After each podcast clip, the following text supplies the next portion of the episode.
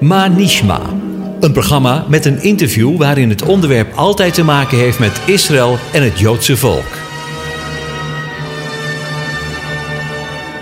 Manishma. Dat wil zeggen, hoe gaat het ermee? Of wat hebben we gehoord?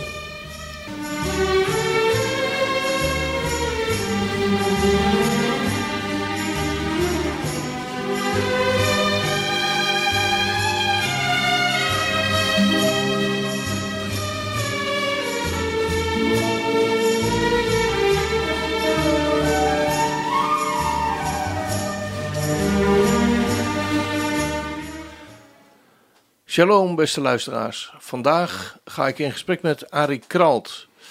Misschien kent u Arie al van zijn eh, programma bij Radio Israël met de titel De Boekenplank, waarin hij elke maand een boek bespreekt wat altijd raakvlak heeft met eh, Israël. Hartelijk welkom, uh, Arie, bij ons programma Manishma. Nou, dankjewel. Dankjewel. Manishma. Ja, ja ga- gaat supergoed. Kijk, Eh het is eh, een voorrecht om hier te mogen zitten, Kees. nou, laten we dat eh, even tot het laatste houden. Nee, ik zeg het nu alvast. Mooi zo. Eh, nou, voor de mensen die, die je niet kennen, eh, je doet voor Radio Israël doe je de boekenplank en bespreek je elke keer een, een boek wat je gelezen hebt. Ja. Maar misschien kun je iets over jezelf vertellen. Jazeker. Nou, ik ben, zoals al genoemd, Arie Kralt, 28 jaar. En eh, geboren en getogen Katteker. Dus dat is altijd goed. Dat is een apart, Ja. apart volk is dat. Dus, eh, Ja. dus eh, ja, dat is... ja, nou goed, ik heb... ik heb een goede opvoeding gehad, moet ik zeggen. Oké. Niet, niet per se christelijk. Mhm. Maar wel gewoon zoals het eigenlijk hoort te zijn. Dat je je natje en je droogje hebt. Mhm. En dat je gewoon je dingetjes kan doen. Ja. Ja, en ik, eh, je kan het ook zien. Hè. Ik, eh, ik ben groot. Hè. ja, Dus eh, ik heb ook goed gegeten in mijn jeugd. Hè. en volgens mij heb je dat ook nog goed bijgehouden. ja, zeker. zeker. Dat Ja. moet je ook bijhouden. Niet dan? Ja, ja, ja. Ja, je lichaam is een tempel, hè? ja, ik, hou, ik hou van lekker eten. Dus, Goed zo. maar- Ja. goed, misschien ietsje minder van sporten. Maar dat zijn er wel meer hier volgens mij. Ja, ja, absoluut. Ja. Maar je, je, je bent in het gezin groot geworden, ook in, eh, in Katwijk? Ja, ja. Oké, dus je bent een oorspronkelijke eh, Katwijker. Ja, ja. Maar, maar zoals ik al net ook al zei, niet Mhm. per se christelijk. Dus wij waren geen, geen kerkgangers. Eh, maar we werden wel opgevoed met, met de verhalen van de Bijbel. Oh. En ik heb ook eh, kerkenclubs gezeten. Dus En hoe, hoe, hoe kwam dat zo? Dat, Ja. je, dat je niet christelijk opgevoed bent, maar wel de christelijke verhalen naar je toe kreeg.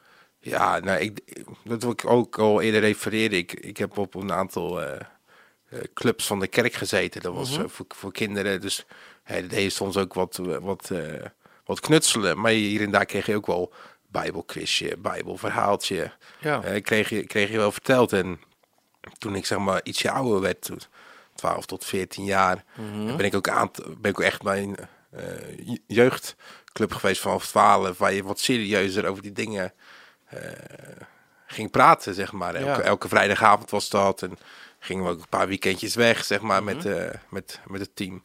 Ja, dat was superleuk. Ja. En ik had ook wel een aantal eh, vrienden die, die christelijk waren. Eh, Ja, ja. ik kwam bijvoorbeeld over vloer bij iema- iemand die kerkelijk werker is bij de vormende kerk. Oh, ja. En, die, die zijn zoon, dat was een vriend van mij. Dus ja, dan kom je er toch in mee in contact. ja. En dus, dus ja, maar eh, tegelijkertijd was ik ook iemand die ja, idolaat was van voetbal. Mhm. Eh, vanaf jongs af aan al. Eh, zonder dat het ook per se gepusht werd. Eh, ik kan me nog heel goed herinneren dat in 2002 Feyenoord... ik ben voor Feyenoord. Oh, dat, dat is wat minder. Maar goed. Laten, we- laten we dat even buiten. buiten, buiten het programma, dat gaat helemaal fout anders. Oké, nee, maar goed, ik wil Ja. toch even zeggen voor, voor Jammer. mijn- hè? Ik, kan me nog goed herinneren in 2002 dat Feyenoord eh, de UEFA Cup won. Ja, En ik denk dat ik negen jaar was of zo. eh. Dat is 2002. ja. Eh, maar ik kan dat als de dag van, van gisteren herinneren. Ook, Ja. ook denk ik omdat je in die dagen ook Pim Fortuyn natuurlijk was neergeschoten. Het was een hele Ja. aparte week natuurlijk. ja. Maar goed, ja, ik was dus helemaal idolaat van, van voetbal en van Feyenoord ook. ja. Maar omdat ik, ja, je kan ook zien nee, dat ik, ik ben twee meter. Ik was, ik groeide heel snel. En ik had, ik had eh, behoorlijk wat problemen met mijn, met mijn motoriek, zeg maar. Ja. En daarom was het niet, niet goed dat ik eh, op voetbal zou gaan, zeg maar vanaf jongs af aan. Eh, en toen heb ik een aantal jaren judo gedaan. En ik denk een jaar of vijf. Dus vanaf mijn vijfde tot mijn tiende. ja. En ik een jaar of twee taekwondo erbij. Mhm. Tot ik twaalf was, denk ik. Eerstejaars, ja, twaalf. En toen mocht ik wel voetballen. Dus toen ben ik meteen gaan voetballen. ja, Bij de plaatselijke voetbalvereniging. Dus eh, Waarschijnlijk als voorstopper. ja, klopt. Ik heb, ja, ja, laatste man. Laatste man. Ik heb denk ik één wedstrijd spits gestaan. En de volgende wedstrijd op het middenveld. En daarna, laatste man, en ben eigenlijk nooit meer weggegaan. Nee. Dus eh, Ja. Nou, Ja. Even een vraag tussendoor nog. Wat je, je zegt van ja, ik ben eigenlijk niet zo per se eh, christelijk opgevoed. Eh, maar toch kwam je, zat je op clubs eh, Ja. van, van, de Bijbelclubs. En, en later, nou, toen je een jaar of 12, 13, 14 was, op een jeu- ja, soort jeugdclub. en, dus je belangstelling was er wel voor. ja, achter, achteraf kan je dat wel zo zeggen. Maar ik, de- ik denk dat ik het op dat moment ook vooral ervaarde als een stukje gezelligheid. Oké. Eh, en Erbij horen misschien? Nou, dat niet eens zozeer, maar het was gewoon, het was gewoon een leuke, leuke club met mensen. En eh, eh, ja, ik moet eerlijk zeggen, of ik van die verhaaltjes, ik weet dat ze er, dat ze er zijn geweest. Eh, maar heb Ja. ik daar wat van onthouden per se? Maar toch, ik denk dat er toch wel de eerste zaadjes zijn geplant als je gaat Ja. terugkijken. Ja. ja. Dat wel. Ja, God die werkt, eh, die komt altijd op zijn werk terug. Ja. Dus eh, eh, misschien in die zin ook, ook bij jou teruggekomen. Ehm, je zegt, nou ja, de, in Feyenoord, ik kan me voorstellen dat je dat inderdaad, dat je dat nog weet voor 2002, want dat gebeurt niet zo vaak bij Feyenoord, dat ze kampioen worden. dus dat moet je echt goed onthouden. Maar, maar was je echt een felle Feyenoorder? Ja, dat, dat was ik wel. En ik moet ook eerlijk zeggen dat ik, ik denk dat ik eh, toen ik 13 of 14 was, dat ik samen met mijn vader een, een seizoenskaart eh, heb genomen. Oké. Eh, was zeg maar in het vak achter de duck-out, duck-outs van Feyenoord. Oh, dat was wel een heel fraai vak. Nee, dat is achter het doel. Oh, Dat bedoel je. Maar goed, bij, bij Feyenoord zijn ze in elk vak fanatiek. Dus, ja. maar goed, ik, het was, ik moet wel zeggen dat dat ook wel iets te bieden had. Want het was wel altijd dezelfde mensen, dezelfde gezichten en een praatje eh, en Ja. gezelligheid. ja. Hè, dus ik denk dat we een jaar of vijf, vier of vijf wel een seizoenskaart hebben gehad bij Feyenoord. En dan gingen we elke thuiswedstrijd, eh, zeg maar gewoon van de Eredivisie, elke zon, één keer in de twee weken op zondag gingen we naar Feyenoord samen. Ja. Ja, Ja, het was super. Ja, ja, ja. Wat vond je daar? Ja, eh, is een, stuk beleving ook, want je, eh, je wordt onderdeel van, van, van een groep mensen. Eh, eh, fanatisme, eh, gezelschap eh, en ook samen met mijn vader natuurlijk, want dat Ja. is natuurlijk gewoon heel gaaf. Ja. Om dat samen met je vader te kunnen doen als je, als je op die leeftijd bent.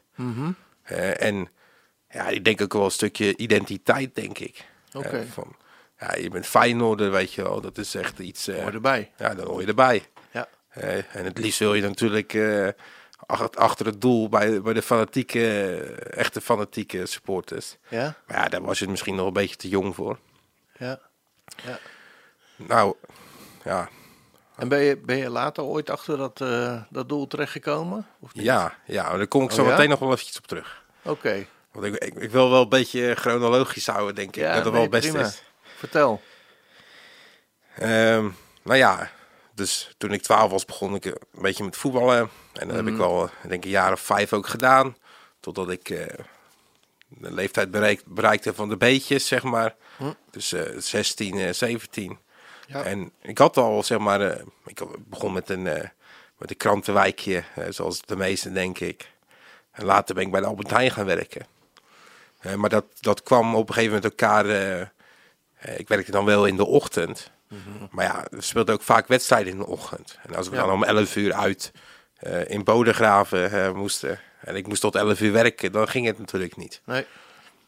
Dus ja, ik heb toen de keuze gemaakt om, om te stoppen met voetballen zelf. Omdat ik gewoon mijn centjes wilde verdienen. Ja. Maar, maar ik moet zeggen dat ik tot mijn, tot mijn vijftiende eigenlijk, ja, eigenlijk een hele rustige jongen was. Eh, ik deed, deed mijn ding. Eh, ik had wel vrienden en we gingen op zaterdagavond misschien een keertje een beetje pokeren of zo. Of een filmpje kijken. Ja. Maar niks bijzonders eigenlijk. Ja. Hè, maar goed, ook Katwijk staat ook om andere dingen bekend, behalve een eh, christelijke achtergrond. Ja. Vis. Ja, vis. Ja, zeker. Ja, ook heel veel vis. Ja. De beste vis van Nederland. Hè. Maar, Goed, dat reclamespotje zit erin. Ja. Nee, maar er staat ook, ook een mindere kant. En dat is ook eh, de hoeveelheid alcohol die er gebruikt wordt. En de hoeveelheid drugs die er gebruikt worden in Katwijk. Is, is in vergelijking met, met andere dorpen en steden enorm. Ja. En dus ja, het is ook, was ook normaal. In die tijd mocht je ook vanaf je zestiende stappen en, en bier drinken, zeg maar. Ja. Hè, Dat je ja, rond je vijftiende ook eigenlijk wel een beetje begint, zeg maar. Oké. Hè, met een biertje drinken. Ja. Ah, dat, eh, dat vond ik wel fijn, moet ik zeggen. Een biertje drinken. Ja, ja ik weet nog goed dat ik, ik, denk dat ik 14 was. Dat ik voor de eerste keer in de kroeg kwam, was op Koningsdag. En eh, omdat ik al groot was, kon ik natuurlijk makkelijk naar binnen komen. En de Koningsdag waren ze een beetje makkelijk. Dus toen, ik, toen ik 14 was, zat ik in de kroeg. Ja, dat was geweldig. Ja. En dan neem je je eerste biertje in de kroeg. Dat is fantastisch natuurlijk. Stoer. Ja, stoer. Ja. Stoer. En je lustte het ook. Hm? Je lustte het ook. Ja, ik vond het ook lekker, ja zeker. Ja. Ik moet wel eerlijk zeggen, toen ik, toen ik klein was, dro- dronk ik af en toe wel eens het laatste slokje Oh ja, van, van mijn vader. hè. Maar toen vond je het nog niet zo lekker, denk ik. Maar toen, Ja. toen ik 15 was, vond ik het wel lekker. Ja. Dus ja, je begint, je begint gewoon ook. Ik denk dat het bij de meesten zo gaat. Je begint gewoon met drinken van één, twee biertjes. En we hadden dan ook eh, een groep met ouders rondom ons voetbalteam. Ja. Die, die zeg maar eh, ja, een paar biertjes voor ons haalden. Dat we dat na de wedstrijd konden opdrinken in de kleedkamer. Ja. Ja, dus dat is Ja. ook iets andere tijd nog, denk ik. Ja. Hè, Dat gebeurt iets, ietsje makkelijker. Nee, dat denk ik ook niet. Nee. Ja, en ja, ik begon wel de smaak te pakken. Dus ja, je groeit daarin. Hè. Dus je begint met één biertje en dan worden er twee. Hm. En tegelijkertijd verandert ook je vriendengroep. Je vriendengroep wordt groter. Hè. En je begint bij elkaar te... We gaan bij elkaar zitten op zater- zaterdagavond. Ja. Vrijdagavond dan nog niet, niet eens per se, omdat, omdat we dan... Ja, veel mensen moesten werken op zaterdag. Hè. Dus vrijdag was het wat minder. Ja. Ja, maar zaterdagavond was wel vaste prik dat we onze beurten bij elkaar eh, gingen zitten om een biertje te, eh, te drinken. Ja. Niks mis mee zou je denken, toch? Nee, in, in eerste instantie niet, denk ik. Absoluut Nee. niet. Nee. En dat was ook, het was ook echt wel oprecht en gezellig. Ja. Eh, maar je merkt toch wel op een gegeven moment dat, eh, omdat je vriendengroep ook groter wordt, Mhm. dat er een aantal zijn die wat meer de grens opzoeken. Oké. Dus, dus echt dr- drinken om het, om het, om het dronken worden en, en ja, met, met alle gevolgen van dien. Want er was ook, ook wel bij verschillende huizen werd, werd er schade aangericht, zeg maar. Hè. Ja, dat is wel vervelend. Heeft ook eh, in eerste instantie, denk ik, ook wel een hoop wrijving in onze groep opgeleverd. Ja. Maar goed, we zijn wel bij elkaar gebleven, dat wel. Ja, en eh, voor de rest eigenlijk eh, ging mijn leven op rolletjes. Ik, ik zat op, op, op HAVO. hè. Maar ja, Ja. we gaan dan, nadat ik 17 ben, zeg maar, dat ik mijn HAVO-diploma ook gehaald heb. En dat ging prima. Maar ik denk dat het ook toen ik 17 was, dat ik ook voor het eerst in aanraking kwam met, met wiet. Omdat ja, wij hingen op een pleintje. Hè, en er komen ook wel eens al wat andere mensen langs die dat wel gebruikten. En waren ook binnen mijn vriendengroep ook wel, was er ook wel interesse naar, inclusief mezelf, want ik moet voor mezelf spreken. Dus ja, we zijn een paar blootjes gaan roken en dat was ook fantastisch. En. Dat was lachen, gieren, brullen. En Ja. dan gingen we lekker naar de McDonald's of naar de snackbar en lachen. Een beetje, een beetje gamen, zeg maar. Ja. Is, dus ik begon Plezier. daar ook, ja, ik begon daar ook een beetje mee eh, te experimenteren. En ja, wederom, omdat ik groot ben, kon ik zelf ook naar de koffieshop gaan. Mhm. Want ik wist bij welke koffieshops ze hun ID-kaart niet zouden vragen. Dus ik kon het zelf wel halen. Dus, dus ja, ik heb ook veel voor anderen gehaald. Maar ja, ik ging zelf natuurlijk ook gewoon eh, roken. Ja. Wat, hadden ze dat thuis niet hoor? Nou, ik denk het begin nog niet per se. Omdat ik Nee, dat nee. vooral in het weekend deed en, en wel goed kon verbergen ook. Ja. Want ik zei, ja, ik heb een biertje gedronken of zo. Oh ja. Eh, op zo'n leeftijd denk ik ook dat heel veel, de meeste jongeren ook, niet altijd helemaal eerlijk zijn tegen hun ouders. Nee, Eh, nee, en nee. ik ook niet. Nee, Dus dat is heel herkenbaar voor mij ook hoor. ja, ja. Ja. je hebt zelf ook kinderen, dus dan, je spreekt uit ervaringen. Ik denk ook dat een stukje, stukje schaamte is, denk ik misschien soms ook wel. Mhm. Maar ook gewoon, ja, je wil gewoon niet alles meer met je ouders bespreken. Nee. Eh, en je- je hebt er in het begin ook zeker, zeker geen problemen mee. Hè? Want je, je rookt af en toe een blootje, is dat nou erg? Wij vinden dat allemaal niet erg. Hm. Ik denk heel veel van onze generatie daar heel anders tegen aankijken. Mhm. Tegen het roken van wiet. Nee, dat is ook wel een interessante discussie trouwens. Ja. Maar, want die gaan we nu niet voeren, denk ik. Nee, die gaan we nu niet voeren. Maar, eh, maar goed. Ja, en toch, ondanks, ondanks dat ik een biertje dronk en, en een wietje rookte, ging alles wel op rolletjes. Ja. Ik haalde mijn HAVO-diploma. Makkelijk eigenlijk. Ja. En met eigenlijk heel weinig eh hoef, hoef te hoeven leren, want ik was Ja. slim genoeg. Ja. En eh, ja, in de tussentijd kon ik ook lekker mijn centje verdienen bij de Albert Heijn. Mhm. Dat kwam ook heel goed uit in die tijd. Ik ging Albert Heijn verbouwen, dus kon ik heel veel uren maken. Had ik lekker veel geld. En dat kon ik dan ook mooi opmaken in de kroeg natuurlijk. Ja. want dat heb ik Ja. ook wel gedaan. Ja. Oké. Eh, en ook het, natuurlijk het roken van een wietje. Ja. Dus ja, zomervakantie. Ik eh, wist al eigenlijk al in, eh, in, in de brugklas wat ik wilde gaan doen met mijn opleiding. En ik wilde chemie gaan studeren. Ja, want daar was ik, dat vond ik fantastisch. Mhm. En dat lag me ook goed. Ik was ik, echt een beta-man ook. Ja. Ik moet wel zeggen dat ik er nu helemaal uit ben. Maar toen was ik echt een beta-man. Ik was goed in wiskunde, goed in natuurkunde, goed in scheikunde. Ja. Goede cijfers gehaald op mijn, op mijn diploma. Ja.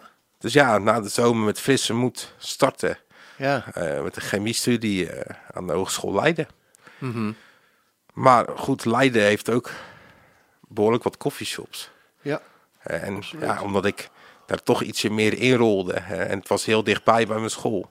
Mhm. Ben ik ook ja, ja, ietsje meer gaan blowen in die, in die periode. Wat vaker door de week. Ja. En ik denk dat ook wel dat het moment was dat mijn ouders ook wel wat dingen begonnen te zien. Want je woonde er nog steeds thuis. Ik woon nog steeds thuis, ja zeker. Ja. Jazeker. En ja, toen kwam eh, een heel moeilijk moment in mijn leven. Want dat was namelijk een halfjaartje toen ik net met mijn opleiding bezig was. Mhm. En we hadden wel onze zorgen om, om mijn moeder. Maar mijn moeder was het laatste jaar begon ze... Ja, heel vaak was ze heel erg moe. Dus dan zat ze op de bank en dan viel ze allemaal weg in slaap en dergelijke. En ze begon wat gelig te zien. Dus ja, eh, maar ze was tegelijkertijd was ze ook bezig met afvallen en dergelijke. Ging eigenlijk supergoed. Ja. En ja, dus we verwachten niet dat er per se wat aan de hand was. We dachten meer van ja, in eerste instantie het komt doordat ze aan, op dieet is, zeg Ja. maar. Ja. En ja, toch de laatste weken van tevoren dat ze toch, ja, ze moest ook eh urinecontrole doen, zeg maar. Mhm. Dat ze afwijkende waarden zagen. En ja, ze moest naar het ziekenhuis. Mhm. Ja, toen voelde wel een beetje aankomen. En dat, dat werd ook bevestigd twee weken later. Dat ze kanker had. Joh. Ja. ja en, en als je dan 17... Ik was, nou, ik was net 18, denk ik. Ja. Als je dat dan hoort, dan zakt de, de, de grond onder je voeten vandaan. Ja. Snap ik. Ja, ik, ik, ik kan me heel goed herinneren dat toen dat gebeurde, ik, ik was zo boos dat ik eigenlijk de, de stoel half aan gort heb geschopt, zeg maar. Eh, en ja, dat was echt, dat was een van de ergste momenten uit mijn leven. Dat kan ik wel zeggen als je dat hoort. Ja. Misschien is dat soms nog wel erger dan dat je ziet dat iemand sterft, zeg maar. Dat zie je aankomen. En, maar als je dat op zo'n moment dat hoort, en ook dat het uitgezaaid is en dat er eigenlijk weinig meer aan te doen valt, behalve een beetje rekken. eh, ja, dat is verschrikkelijk. Ja, dat is ook iets waar je totaal totaal niet verwacht op zo'n moment in je leven. Want je denkt, je bent gericht om je, om je studie te halen. Ja? Ja. De laatste jaren normaal gesproken voordat je het huis uitgaat. Hmm. Want als je, als je 18 bent, dan ga je wel over die dingen nadenken natuurlijk. Ja. Ja. Ja, en dat heeft voor mij eigenlijk echt een, een, ja, een kickstart gegeven voor het gebru- meer gebruiken van drugs. En ook het meer gebruiken van alcohol. Om, het te om je pijn te verdringen? Ja, om, mijn- ja, om mijn pijn te verdoven, want ik kon er gewoon niet mee omgaan. Ja. Ik, ik was gewoon een stukje verbitterd ook. ja. Je kon er ook niet over praten misschien zo. Nee, nee, dat denk ik niet, nee. nee. Dat denk ik niet. En dan wil je je gevoelens Ja, weer wegdrukken. Ja, en ook tegelijkertijd denk ik, want je, je- ik al eerder zei, je zit in die, in die, in die, in die groep met, met gasten, zijn allemaal stoer, stoere jongens. En dat wil je natuurlijk niet laten merken. Nee. En eh, ja, ook dat ons, on- ons fanatisme voor Feyenoord werd ook steeds heftiger, denk ik, van, bij een aantal van onze groep. En dus ja. Ja. we wilden ook seizoenskaart nemen bij Feyenoord, achter het doel, met z'n allen. Oh ja. En dan er naartoe. Ja. Dus ja, dat wil je zeker niet laten merken in die groep. Want dan, dan ben je Dan een je mietje. Ja, dan ben je Ja. een mietje. Daar Ja. gaan we niet in mee. Nee. Ja, ik ben, ik ben zelf ook wel een alfa mannetje. Dat heb ik nog steeds wel een beetje trouwens. maar, eh, op een goede manier denk, ik, ja, ja, ja. denk ik nu. Dus Ja. ja, ja maar goed. Het, ik begon wel steeds meer te drinken in het weekend. Het was al, al gaande, hè, maar dat heeft echt doen aanzwengelen allemaal. Hè. Dus Ja. Ook omdat je, omdat je meer drinkt, heb je ook meer nodig om hetzelfde effect te bereiken. En wij gingen allemaal meer drinken, maar, maar ik denk ook wel een beetje voorop. Ja. Hè? En ja, je blo- blowen ging van in het weekend ging dat nou bijna dagelijks in de avond. Ja. En ik denk dat het één of twee maanden later, Mhm. toen ben ik voor het eerst in aanraking gekomen met, met cocaïne. Oké. Ja, dus er werd aangeboden door iemand. eh, ja, ik was, eh, ik was eh, van de wereld op dat moment. Want ik had gewoon heel veel gedronken. Ja. En ik, ja, ik weet heel goed nog eh, waar het was, et cetera. Toen, ik dat eerste snuifje nam, toen was ik echt verkocht. Ja. Ik was verkocht. Ik voelde me zo geweldig. Tja. Ik kon de hele wereld aan. En Dacht ik hoefde nergens aan te, aan te denken op dat moment. Ja, zeker. Ja. En wat het bijkomende voorbeeld, voordeel erbij was, Mhm. is dat als je een klein beetje gebruikte, Ja. dat je dan ook nog langer door kon gaan en dat je meer kon drinken. Wauw. En dat is natuurlijk fantastisch, want dan ben je ook weer degene die het langst doorgaat. Hè? Ja. Ja. ja. Het alfamannetje. het alfa mannetje. Ja. Maar dat was wel een probleem. Voor jou toch niet? Jawel, moment. want toen ik, toen ik dat eerste, eerste snuifje kook nam, toen, toen wilde ik meer. Ja, toen ben ik ook zelf op zoek gegaan. Ja. Naar, naar dealers en dergelijke. En dan kom je toch al gauw genoeg achter als je eenmaal in dat wereldje zit. Ja. Hè, want het gebeurt gewoon via de wc's. En via rokershokken wordt het gewoon eh, Aangeboden. ja, aangeboden. Of, of, of eh, je, je weet wie het zijn en je loopt er zelf naartoe en vraagt, eh, joh, heb je wat voor me? Ja. En kom, je- dan rol je er ook een beetje in en dan krijg je eh, af en toe een nummertje en dergelijke. En dan zoek je ook via Feyenoord. We gingen dan, voor de wedstrijd gingen we dan eh, alvast naar Rotterdam om wat te drinken. En dan kom je ook weer in aanraking met andere mensen die, die wel nummertjes voor je hebben. En dan eh, Telefoonnummers bedoel je? telefoonnummers van, Oké, van ja. dealers. Ja, dat, is het, dat is de manier waarop het werkt eh, hier in Nederland. Ja.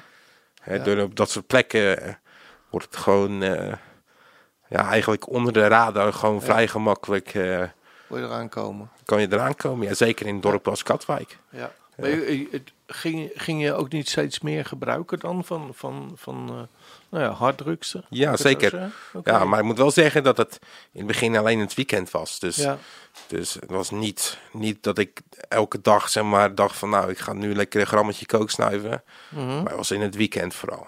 Oké. En door de week was ik meer een beetje aan het blowen. En een beetje aan het gamen. Ja. En dan lekker, lekker eh, stoned zijn zonder dingen na te denken. Ja. En zo zat ik erin. Want ik had, ik had dat verdriet. Dat zat in mijn hart. Ja. En ik dat wist eruit. Ik wist gewoon dat mijn moeder doodging. Ja. Eh, welke termijn, dat, dat weet je achteraf niet. Eh, achteraf Af wel. alleen, achteraf wel, maar van Ja. tevoren weet je dat niet. Maar ze Nee. wist gewoon dat ze doodging. Ja. ja, te- omdat je natuurlijk ook die problemen hebt en je gaat ook meer gebruiken, Mhm. is denk ik ook een logisch gevolg dat het op school minder, Minder ging. ging. Ja. Eh, nou, ik heb toen een afspraak gemaakt zeg maar, met de mentoren van school om het eerste jaar opnieuw te doen. Mhm. Omdat ik zeg maar in die. Ik zat net in de toetsperiode toen Oké. mijn moeder ziek werd. Ja, Dus ik heb heel veel toetsen gemist. ja. Dus ja, ik heb het eerste jaar opnieuw gedaan. Ik moet zeggen dat dat voor de rest op zich prima ging. Mhm. Maar ik merkte wel aan mezelf dat ik minder gemotiveerd raakte. Ja. Ik ging, ik had, ik had zeg maar een aantal verplichte colleges, een aantal niet verplichte colleges. En ik skipte al die niet ver- verplichte colleges. Sowieso standaard.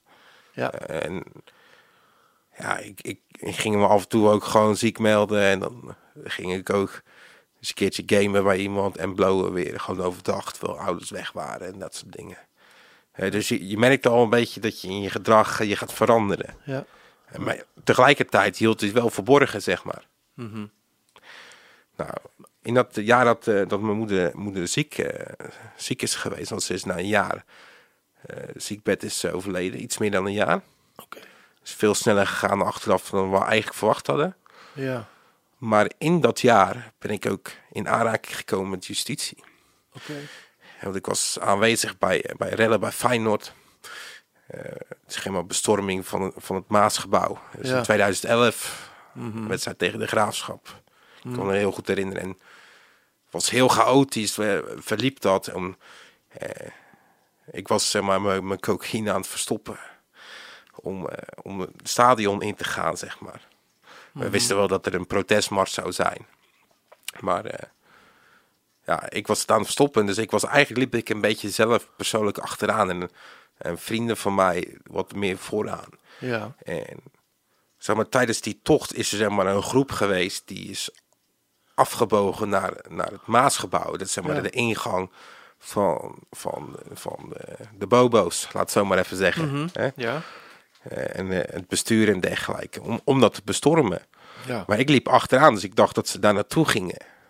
Maar ja, ik was aardig van de kaart. dus, dus ja, de boel werd opgehitst en dergelijke. En ja, ik bevond me midden in die groep. En ik, ik weet nog geen eens meer precies wat ik wel of, of niet gedaan heb. Het was ook heel achteraf ben ik opgepakt. Heel moeilijk te zien op camerabeelden. Bij mijn weten heb ik niet iets per se gedaan of zo. Maar omdat je toch in die groep aanwezig bent, wordt het gezien als één groep. En dan maakt het niet uit wat je gedaan hebt. Je krijgt allemaal dezelfde aanklacht, tenzij je erger hebt gedaan. Ja, Eh, dus er zijn een aantal geweest die hebben poging tot doods- doodslag. ja, eh, hebben ze, hebben ze, zijn ze voor veroordeeld. En ik ben dan voor openlijke geweldpleging veroordeeld. Mhm. Ja, dat was natuurlijk een enorm pijnlijk moment. Want Ja. mijn moeder leefde nog, was ziek. Dat deed je moeder denk ik verdriet mee. Ja, zeker ook omdat ik gewoon keihard over, overloog. Want ze vroeg de dag erna, ben je erbij geweest? Toen zei ik nee. En toen werd ze twee weken later opgebeld door de politie Rotterdam. Of ik me even wilde melden de volgende dag. Ja, Dus ja, dat heeft heel veel verdriet gedaan ook. ja, Ook knallen, knallende ruzie met mijn vader om gehad. Maar Mhm. goed, ja, het is gebeurd. Hè, dus we- gaan door. Ja, dat is voor mij eigenlijk ook een beetje een moment geweest dat het daarna ook steeds minder ging met mij. ja, ik, ik, ik raakte mijn motivatie in alles kwijt eigenlijk. In mijn studie, in mijn werk. In alles. In alles. Ja, Ja, ik, kreeg, ik kreeg veel problemen eh, ook op mijn werk, omdat ik rebels was. En ik, ik bleef in mijn nest liggen, dus ik was elke keer tien minuten te laat en dergelijke. Of ik sliep mijn tijd gewoon helemaal. Dat ik gewoon om negen uur kwam, bij wijze van spreken. Ja. Dus ja, kortom, het ging niet goed. nee, het ging niet goed. Nee. Eh, veel, ges- veel gesprekken had gewoon met mensen, maar ja, eh, wie gaat mij wat vertellen? En mijn vader was voor de rest, die was de hele week aan het werk. Aha. En, en als ze dan met mijn moeder naar het ziekenhuis moest, eh, dan was hij met mijn moeder mee. Dus ja, ik Ja. had het rijk voor mezelf. Eh, ik- het is niet dat ik niet naar mijn moeder ging, maar wel minder eh, dan, dan, dan, dan hem, zeg maar. Ja, Ik vond het soms ook wel een beetje prima. Ik ging dan af en toe, eh, omdat het ziekenhuis naast mijn school was, Mhm. eh, dat ik af en toe naar mijn moeder ging als ze dan in het ziekenhuis was voor bepaalde controles of zo. Even oh, kijken. ja. Ja, Maar Ja. ik ging zelf wel wat minder, want ik Ja. vond andere dingen interessanter ja, en belangrijker. ja, ja, ja, ja. Dus ja, ja goed, zoals ik al eerder had ge- gerefereerd, stierf, stierf mijn moeder na, ja. na iets meer dan een jaar. Ja, dat was natuurlijk ook een hele heftige gebeurtenis. Want achteraf bleek dat haar, haar organen desdanig waren aangetast dat er gewoon niks meer aan te doen was. Want Ja. ze heeft toen een open hartoperatie gehad omdat ze een lekkende hartklep had. Ja. En daarna is ze er nooit meer uitgekomen. Eh, vochtproblemen. Ja. Toen is ze eventjes thuis geweest met weer vochtproblemen. En dat bleef maar. Ja. En toen was het klaar. Ja. Ja, en dan ben je, ben je net 19. Ja. En dan ben je je moeder kwijt. En dan is het met je studie, waar het al minder mee ging. Is het met je werk, waar, het, waar je pr- problemen eh, Mee had. mee had. Ja. Eh, maar ja, toch wilde je meegaan in die race. Je wilde wel overeind blijven natuurlijk. Ja. Maar was dat niet het moment dat je dacht van, toen je moeder overleden was van, dit is een wake-up eh wake-up call? Ja, wel, dat dacht ik zeker. Ja. Want ik, ik, ik heb, eh, de, dag nadat mijn moeder is overleden, heb Ja. ik opgebiecht bij mijn, bij mijn vader en bij mijn zus. Ja. Dat ik, eh, dat ik eh, aan de drugs zat, zeg maar. Ja. En dat voelt ook eventjes goed. Maar eventjes. Ja, ja. Want ik denk eh, dat het nog geen anderhalve maand heeft geduurd voordat ik alweer ging snoepen van de verboden snoeppot. Zeg maar. Ja. Ja. Ja, want ja, kijk, als jouw je moeder de, de hoeksteen van het gezin, als die overlijdt, dan gaan er problemen komen ook in het, in, in het gezin. Mhm. Als je, als je een vader hebt die, eh, die ook de hele dag natuurlijk ook gewoon werkt. Ja. En ja, mijn vader is nooit echt een, een prater geweest, zeg maar. Mhm. Een doener. en af en toe hadden we wel een gesprekje, maar het ging nooit de diepte in, zeg maar. Nee, nee. Met alle respect naar mijn vader toe. Ja. Weet je, het is mijn vader, dus ik hou ook van hem. Mhm. Maar eh, ja, nooit echt serieus over dingen kunnen praten. Maar mijn moeder had wel ietsje meer. Ja. Maar toch, als je dan terugkomt op, mijn, op mijn opvoeding. Ja, dat is ook wel een beetje katswijk, zeg maar. Hè. En ook een beetje, ik denk ook een beetje christelijke achtergrond. Doe maar, praat er maar niet over dingen, want dan is het er niet. Ja. Klopt. Dat is ook een beetje Nederlands hoor. Ja, Ja. dat denk ik ook Ja, wel. Zeker van de vroegere generatie. Ja, Ja. hè, dus ik denk ook, ook dat ook dat, dat mee heeft meegespeeld van... Ja. van doe maar niet alsof dingen er zijn. Ja. En toen hoorde ik achteraf wel dat, dat ze wel vermoedens hadden dat ik eh, in, ieder geval, al, in ieder geval aan het blowen was, zeg maar. Ja. Laat het zo maar even zeggen. Ja. Maar niet dat ik aan de, aan de kook zat, want dat zal je niet zo snel merken als iemand aan de cocaïne zit. Hm. Je merkt alleen, alleen iemand die het zelf heeft gebruikt, die, die zal het merken, denk ik. En, en zeker als je in het uitgaanscircuit begeeft, ja, iedereen die, eh, die heeft een drankje op. Mhm. En je staat met grote lichten op je gezicht. Dus iedereen kan ook grote pupillen hebben, weet je wel. Ja. Dat is niet per se eh, gerelateerd aan cocaïne gebruiken. Ja. ja. Maar hoe is het verder gegaan nadat je moeder overleden is? eh, toen ben je weer opnieuw gaan gebruiken. Ja, ja. En wat ik wou ook bij zeggen, wat het, het moeilijke is, zeg maar, dat hè, toen, toen mijn moeder wegviel, ja, er komt een huishouden komt er, komt erbij kijken waar je Ja. moeder eigenlijk alles, alles deed. En moeten, moeten, moesten wij ook ons steentje echt gaan bijdragen. Ja. Eh, en ja, dat, dat zorgt ook voor spanningen natuurlijk. Ja. Eh, als jij wat voor je studie wilde doen, dan moest ik boodschappen doen. Of, eh, snap je? Dus ik noem maar een voorbeeld. Maar er zijn talloze voorbeelden op te noemen. Ja. En dat zorgt ook voor spanningen tussen mij en mijn zus. Maar ik moet ook eerlijk zijn, ik ben hier ook gewoon eerlijk. Is dat eigenlijk mijn, mijn vader eigenlijk gewoon niet mee om kon gaan. Mhm. En hij liet heel veel aan ons over, zeg maar. ja. Ehm, In, in de zin van het huishouden en zo. ja, ja in, al, in alles eigenlijk. Dus, Oké. dus je moet je voorstellen dat als jij een bijbaantje bij de Albert Heijn hebt... En je verdient een paar honderd euro in de maand... Ja. maar dat je, dat je heel vaak zelf boodschappen moet doen... omdat hij eh, geen geld heeft neergelegd of dergelijke. Ja. Ik noem maar een simpel voorbeeld. Ja. Maar ook niet, eh, voor de rest ook niet omkeken eh, naar, naar jou. om te vragen of je nog wat nodig had. Dat heel veel op jezelf, te, op jezelf terechtkomt. En dat kan je niet dragen. Weet je, dat is gewoon heel moeilijk. Ja. Is te jong? te jong. Ja, en ik had ook verdiende ook gewoon te weinig geld Ja. om dat te kunnen dragen. Ja.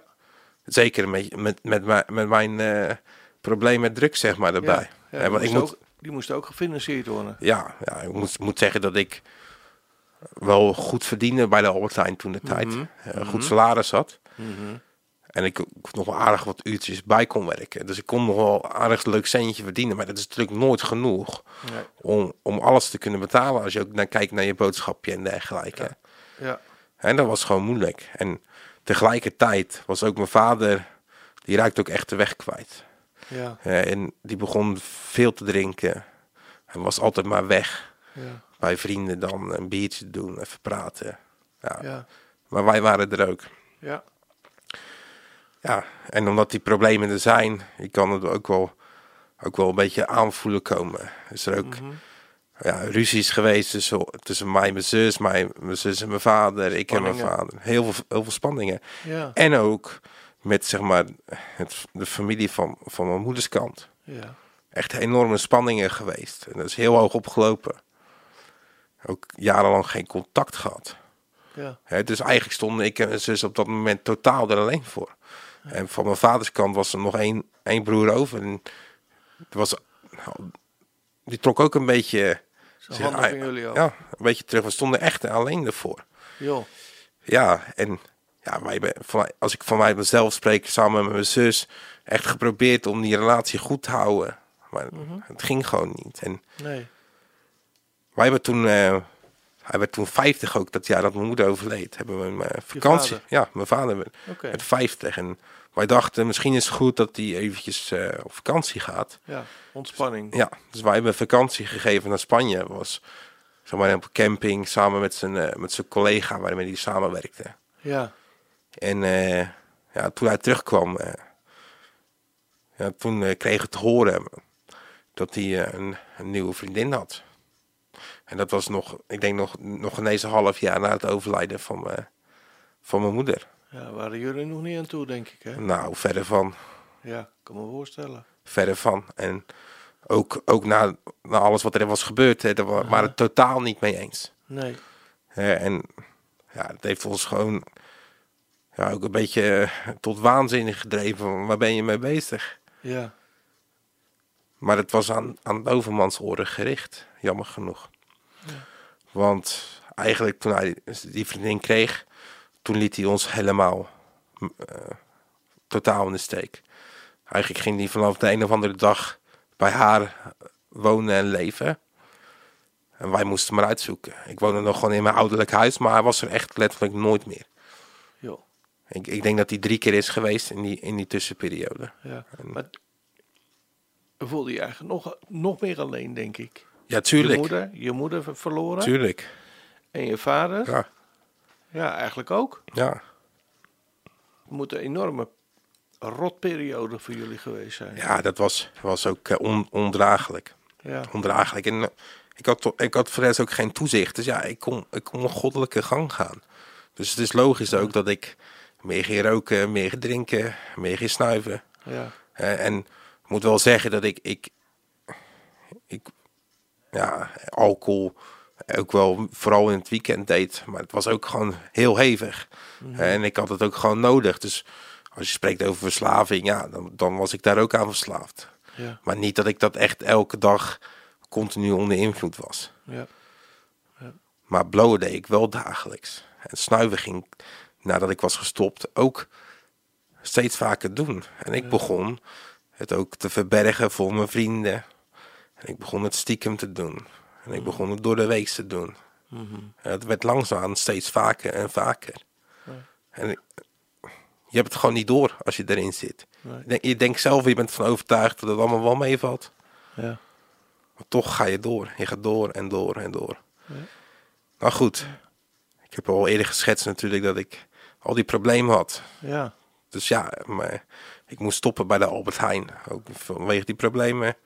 Ja. Maar ik, ik wilde ook, ik was er ook klaar mee, want ik wilde gewoon lekker fulltime gaan werken. Ja. Eh, omdat ik in de tussentijd mijn studie moest stoppen.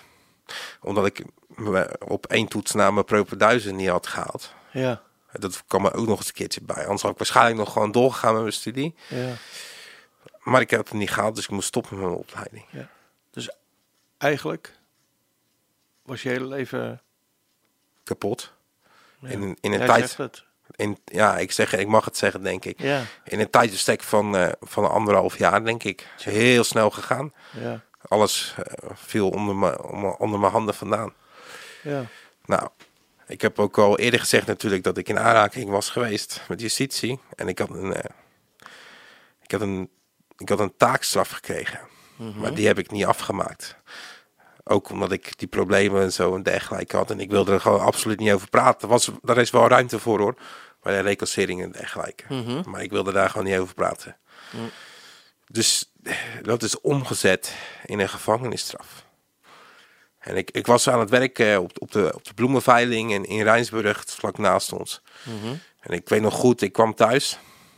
En ik, ik wist dat het eraan zat te komen. En toen werd ik in één keer eh, werd er aangebeld. Ja. En toen werd ik opgepikt. Zo. Nou weet je, eh, we maken hier even een kleine onderbreking. Met een beetje muziek. En dan eh, komen we naar de muziek weer even terug. Ja? is goed.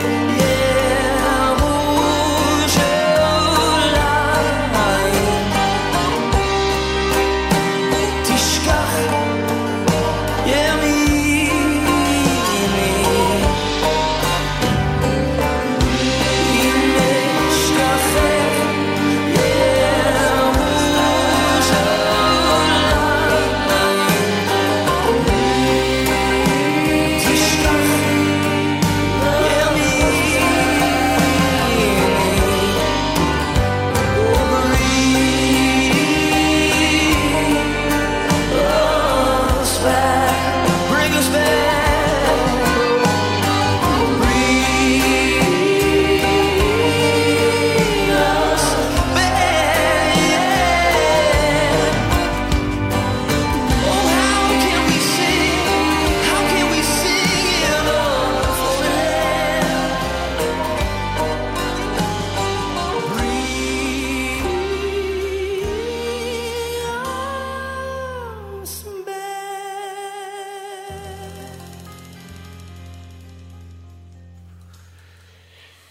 Ja, een eh, heel toepasselijk nummer. Hè? Wat je ons opgegeven had. Ja, we waren bij eh, gebleven in het gesprek bij het feit dat je bij de Albert Heijn eh, ja, ontslagen werd, min of meer. Hè? Dat je daar niet meer welkom was, omdat het niet zo goed met je ging. Afspraken ook niet meer nakwam. En eh, dat je je studie ook niet voor kon, kon zetten. En dat je uiteindelijk je. Eh, nou, het is wel een opeenstapeling van. eh, v- ja, van, van, van ellende zou ik haast wel willen Mhm. zeggen. Dat je je taak straks niet afgemaakt had en dat de politie voor de deur stond. Ja.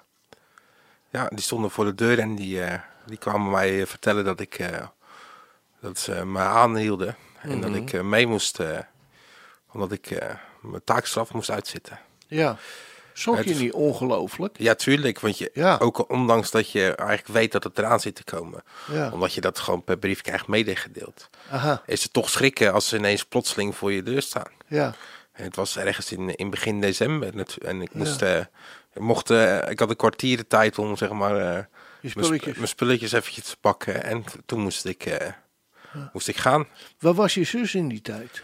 Mijn mijn zus die, ik denk dat ze, dat ze nog thuis woonde. Want die heeft vlak daarna denk ik een huisje eh, gekregen. Die woonde nog thuis, maar die werkte ook gewoon. Die werkte in de zorg. Ja. Dus ik denk dat zij aan het werk was op dat moment. Ja, maar het, die zag jou achteruit gaan. Ja, tuurlijk. Ja. Tuurlijk, maar ja, eh, probeer dat maar eens tegen te houden. Mijn zus was twee jaar ouder.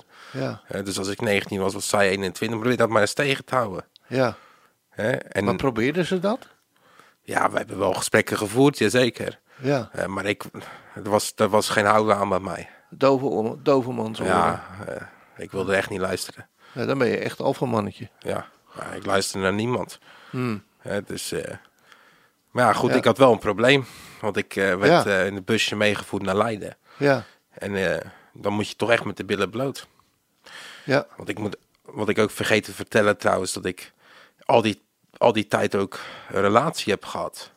En ik was ook gewoon, ik verzweeg ook alles tegenover haar. Bijna alles. Je had een relatie met een, vr- Maar met ja, met een vrouw. vrouw, ja, en- met een- ik had een vriendin, maar ik verzweeg gewoon bijna alles. maar dat, dat is toch niet te doen? Ja, Verstoppen. mens, mensen kunnen toch eh, ja, goed verstoppertje spelen. Ja. En ehm, eh, ja, ik, ik was zo gewend om te liegen dat het me eigenlijk vanzelf afging. Ja. Je was er heel gewiekst in. Ja, heel gewiekst in. Maar toen moest ik ook wel met de billen bloot natuurlijk. Ja. Ja. Maar ik begon niet over drugs of zo. Ik had gewoon gezegd, ja, ik, eh, ik heb gewoon stom aangepakt. En daar ben ik er vanaf. Ja. Eh, dan moet ik eventjes met de billen bloot. Nou, dat kan wel. Ja. Eh, dan doe ik even een klein beetje schade. Ja. En dan, dan zijn we wel vanaf. Dus Zijn ja, je wel weer tevreden met mijn verhaal? ja, Ja. Maar toen je, toen je de gevangenis inging, in moest, toen kon je dat niet meer verbergen voor je relatie, toch? nee, nee, nee. Maar ze is ook, ze is ook zeg maar, eh, langs geweest in de gevangenis. Samen met mijn vader overigens. Mhm. Die toen plotseling wel ineens interesse voor me had. Ja. Toen dacht ik ook let- letterlijk van ga, ga weg, weet je wel. Mhm. Ik hoef jou niet te zien, maar goed. Ehm, ja, ik moest wel, wel in gesprek natuurlijk. En ook bij mijn schoonouders. eh ja, als ik dat nog één keer zou doen, dan, eh, dan was, was ik daar niet meer welkom, zeg maar. eh Ze werden wel duidelijk ingepeperd. Maar ja, weet je, ik liet dat gewoon langs me heen glijden. Weet je. Gevoelloos geworden. Ja, ik was, ik was ook gevoelloos geworden. Ik, ik, ik, moet, ik kan me ook niet meer herinneren of ik, of ik überhaupt in die periode na het overlijden van mijn moeder eh, überhaupt gehuild heb. Ik denk het niet. Ik denk dat ik nooit gehuild heb. Veel, heel veel gelachen natuurlijk onder Ja. invloed. Maar eh, huilen, nee. Dat kwam niet, stond niet in mijn woordenboek.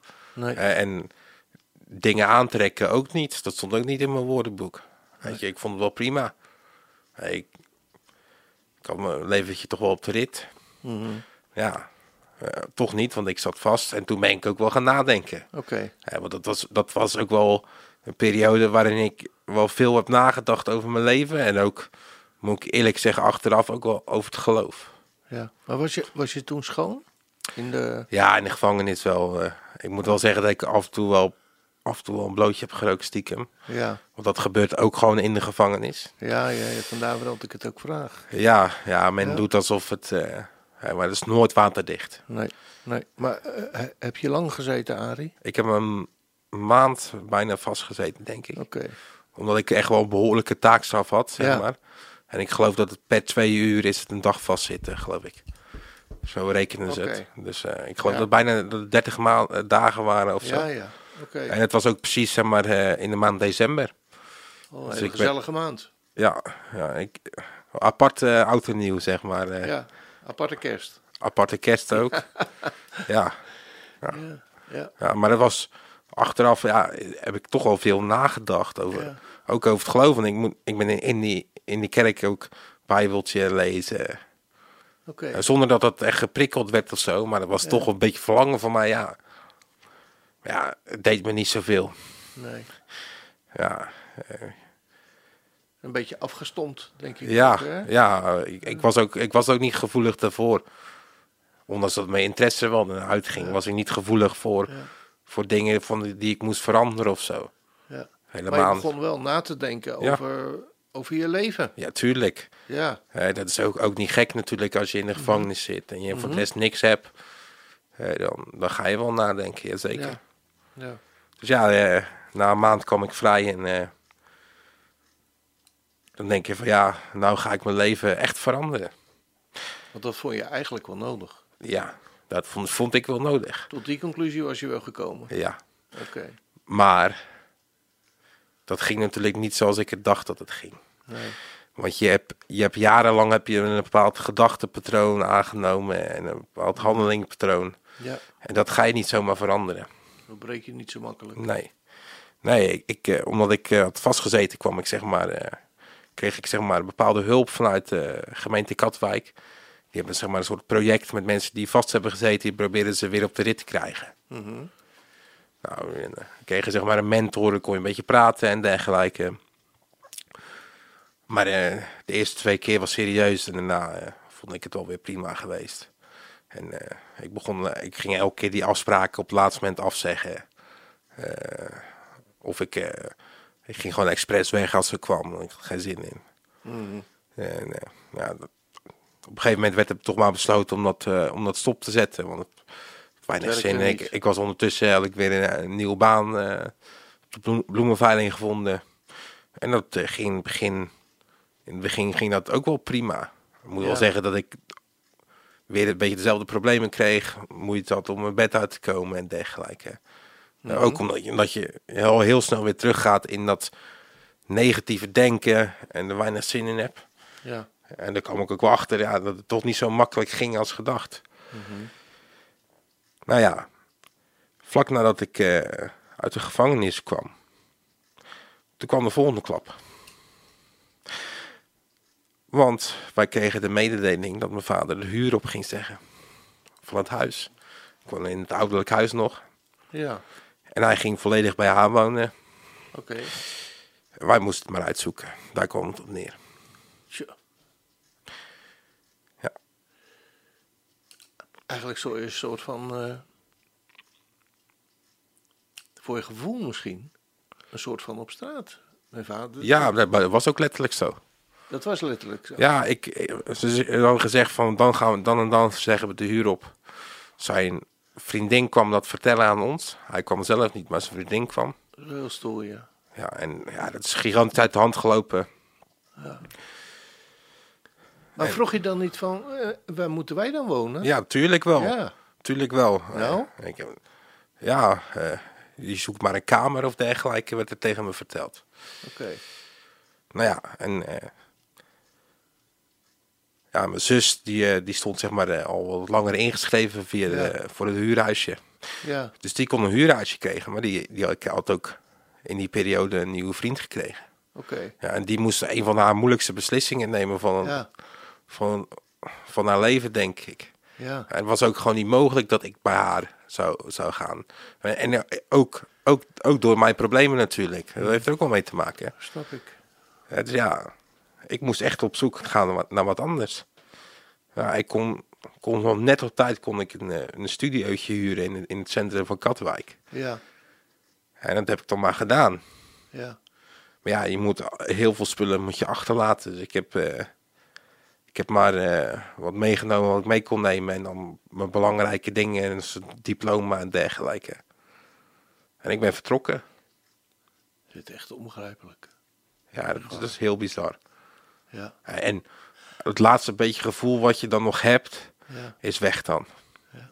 Dus eigenlijk word je een soort eh, ja, wan- wandelend lijk. Word je, dan. Je, je bent er, maar er is ook alles mee gezegd. Ja. Behalve in het weekend leefde ik dan een beetje op. Ja, dacht je. Dat dacht je, ja. Ja. Eh, Je, je- had eigenlijk verlies na verlies te pakken natuurlijk. Ja. Is je moeder, dan je vader, Ja, dan je zus die eh, ja, min of meer op zichzelf gaat wonen. ja, En, en, en dan verlies je je ouderlijk huis ook nog. ja. Ja. Ja. Je vraagt je wel eens af, hè, van eh, hoe bestaat het dat mensen eh, in zo'n leven terechtkomen? ja. Maar nou, als ik het van jou hoor, denk ik van ja, het is, het is een wonder dat je hier nog zit. Ja, misschien wel. Ja, Ja, want het ge- het gevolg van dit, dit alles was dat ik eigenlijk geen zin meer had in mijn leven. Niet dat ik Nee. suicidaal was. nee, Eh, Daar ben ik ook heel e- open en eerlijk in. Dat- Ik heb nooit een moment gehad waarvan ik dacht, ik maak een eind aan mijn leven. Dat heb ik niet gehad. ja. Maar ik, God verdanken. amen. Amen. Maar ik had ook geen, maar ik had geen zin meer in mijn leven. Dat snap ik ook. Dus ja, uiteindelijk, je raakt je baan kwijt. Ja, En je gaat van baan naar baan. ja, En dat hou je een paar weken vol, uitzendbasis. Hou je een paar weken vol en daarna begint het weer. ja, En je- je probeert wel te doen. Maar ja, omdat je natuurlijk uit je ouderlijk huis bent, gaan in één keer de rekeningen ook opstapelen. ja, En ja, ik, eh, ik begon schulden te krijgen. En ik begon dingen, dingen terug te boeken om toch nog een beetje geld te hebben. Maar ja, dan ga je nog meer schulden opbouwen. ja, dat schiet ook niet op. Nee, Nee, nee, nee. ik ben toen in de tussentijd ben ik één keer verhuisd nog. Toen ben ik eh, met z'n drie in huis gaan wonen. Mhm. En ja, dat was, eh, was dramatisch voor mij. Ja, dus werd ik ook elke keer geconfronteerd met dat ik schulden had. En ik begon me terug te trekken, terug te kruipen in mijn kamer. En, eh, ja, heel veel problemen gehad. ja. Kortom, het ging niet, eh, het ging niet goed met je. Nee, en ik, ik was Nee. gewoon op dat moment dat ik ook echt... Toen was ik echt verslaafd aan Ja. cocaïne. En ik, ik maakte alles wat ik nog had, Ja. maakte ik daaraan op. En ik at Ja. bijna niet meer. Ja. Eh, af en toe een brood, had ik goedkope, eh, van die goedkope afbakbroodjes bij de Lidl, zeg maar. En meer had ik ook niet. En ik dronk Nee. water. En Ja. kan je heel lang op leven hoor, trouwens. ja. Als het moet. Ja, maar goed, ehm, we zitten aan- bijna aan de tijd nu. eh, eigenlijk zitten we aan de tijd. Ehm, uiteindelijk is het wel weer goed met je gekomen. Ja, Hè, want je zit hier tegenover me. ja, amen. En, eh, en eh, je hebt je leven weer uiteindelijk opgepakt. Ik denk, de- denk ik goed om, om nu af te sluiten. En dat we een volgende keer verder met je praten. Hoe het verder met je gegaan is. En eh, ja, wat God in je leven betekende. Maar ook, eh, ook zeker nu betekent. Dan eh, sluiten we nu af deze uitzending. En eh, volgende week hopen we met elkaar verder te praten. Oké? Ja, is goed. U hebt geluisterd naar Manishma.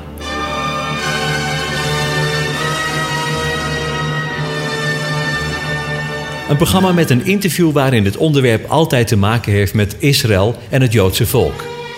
Presentatie Jack van der Tang. Wilt u het programma nog eens naluisteren? Dan kan dat. Ga naar radioisrael.nl en klik onder het kopje radio op Uitzending gemist.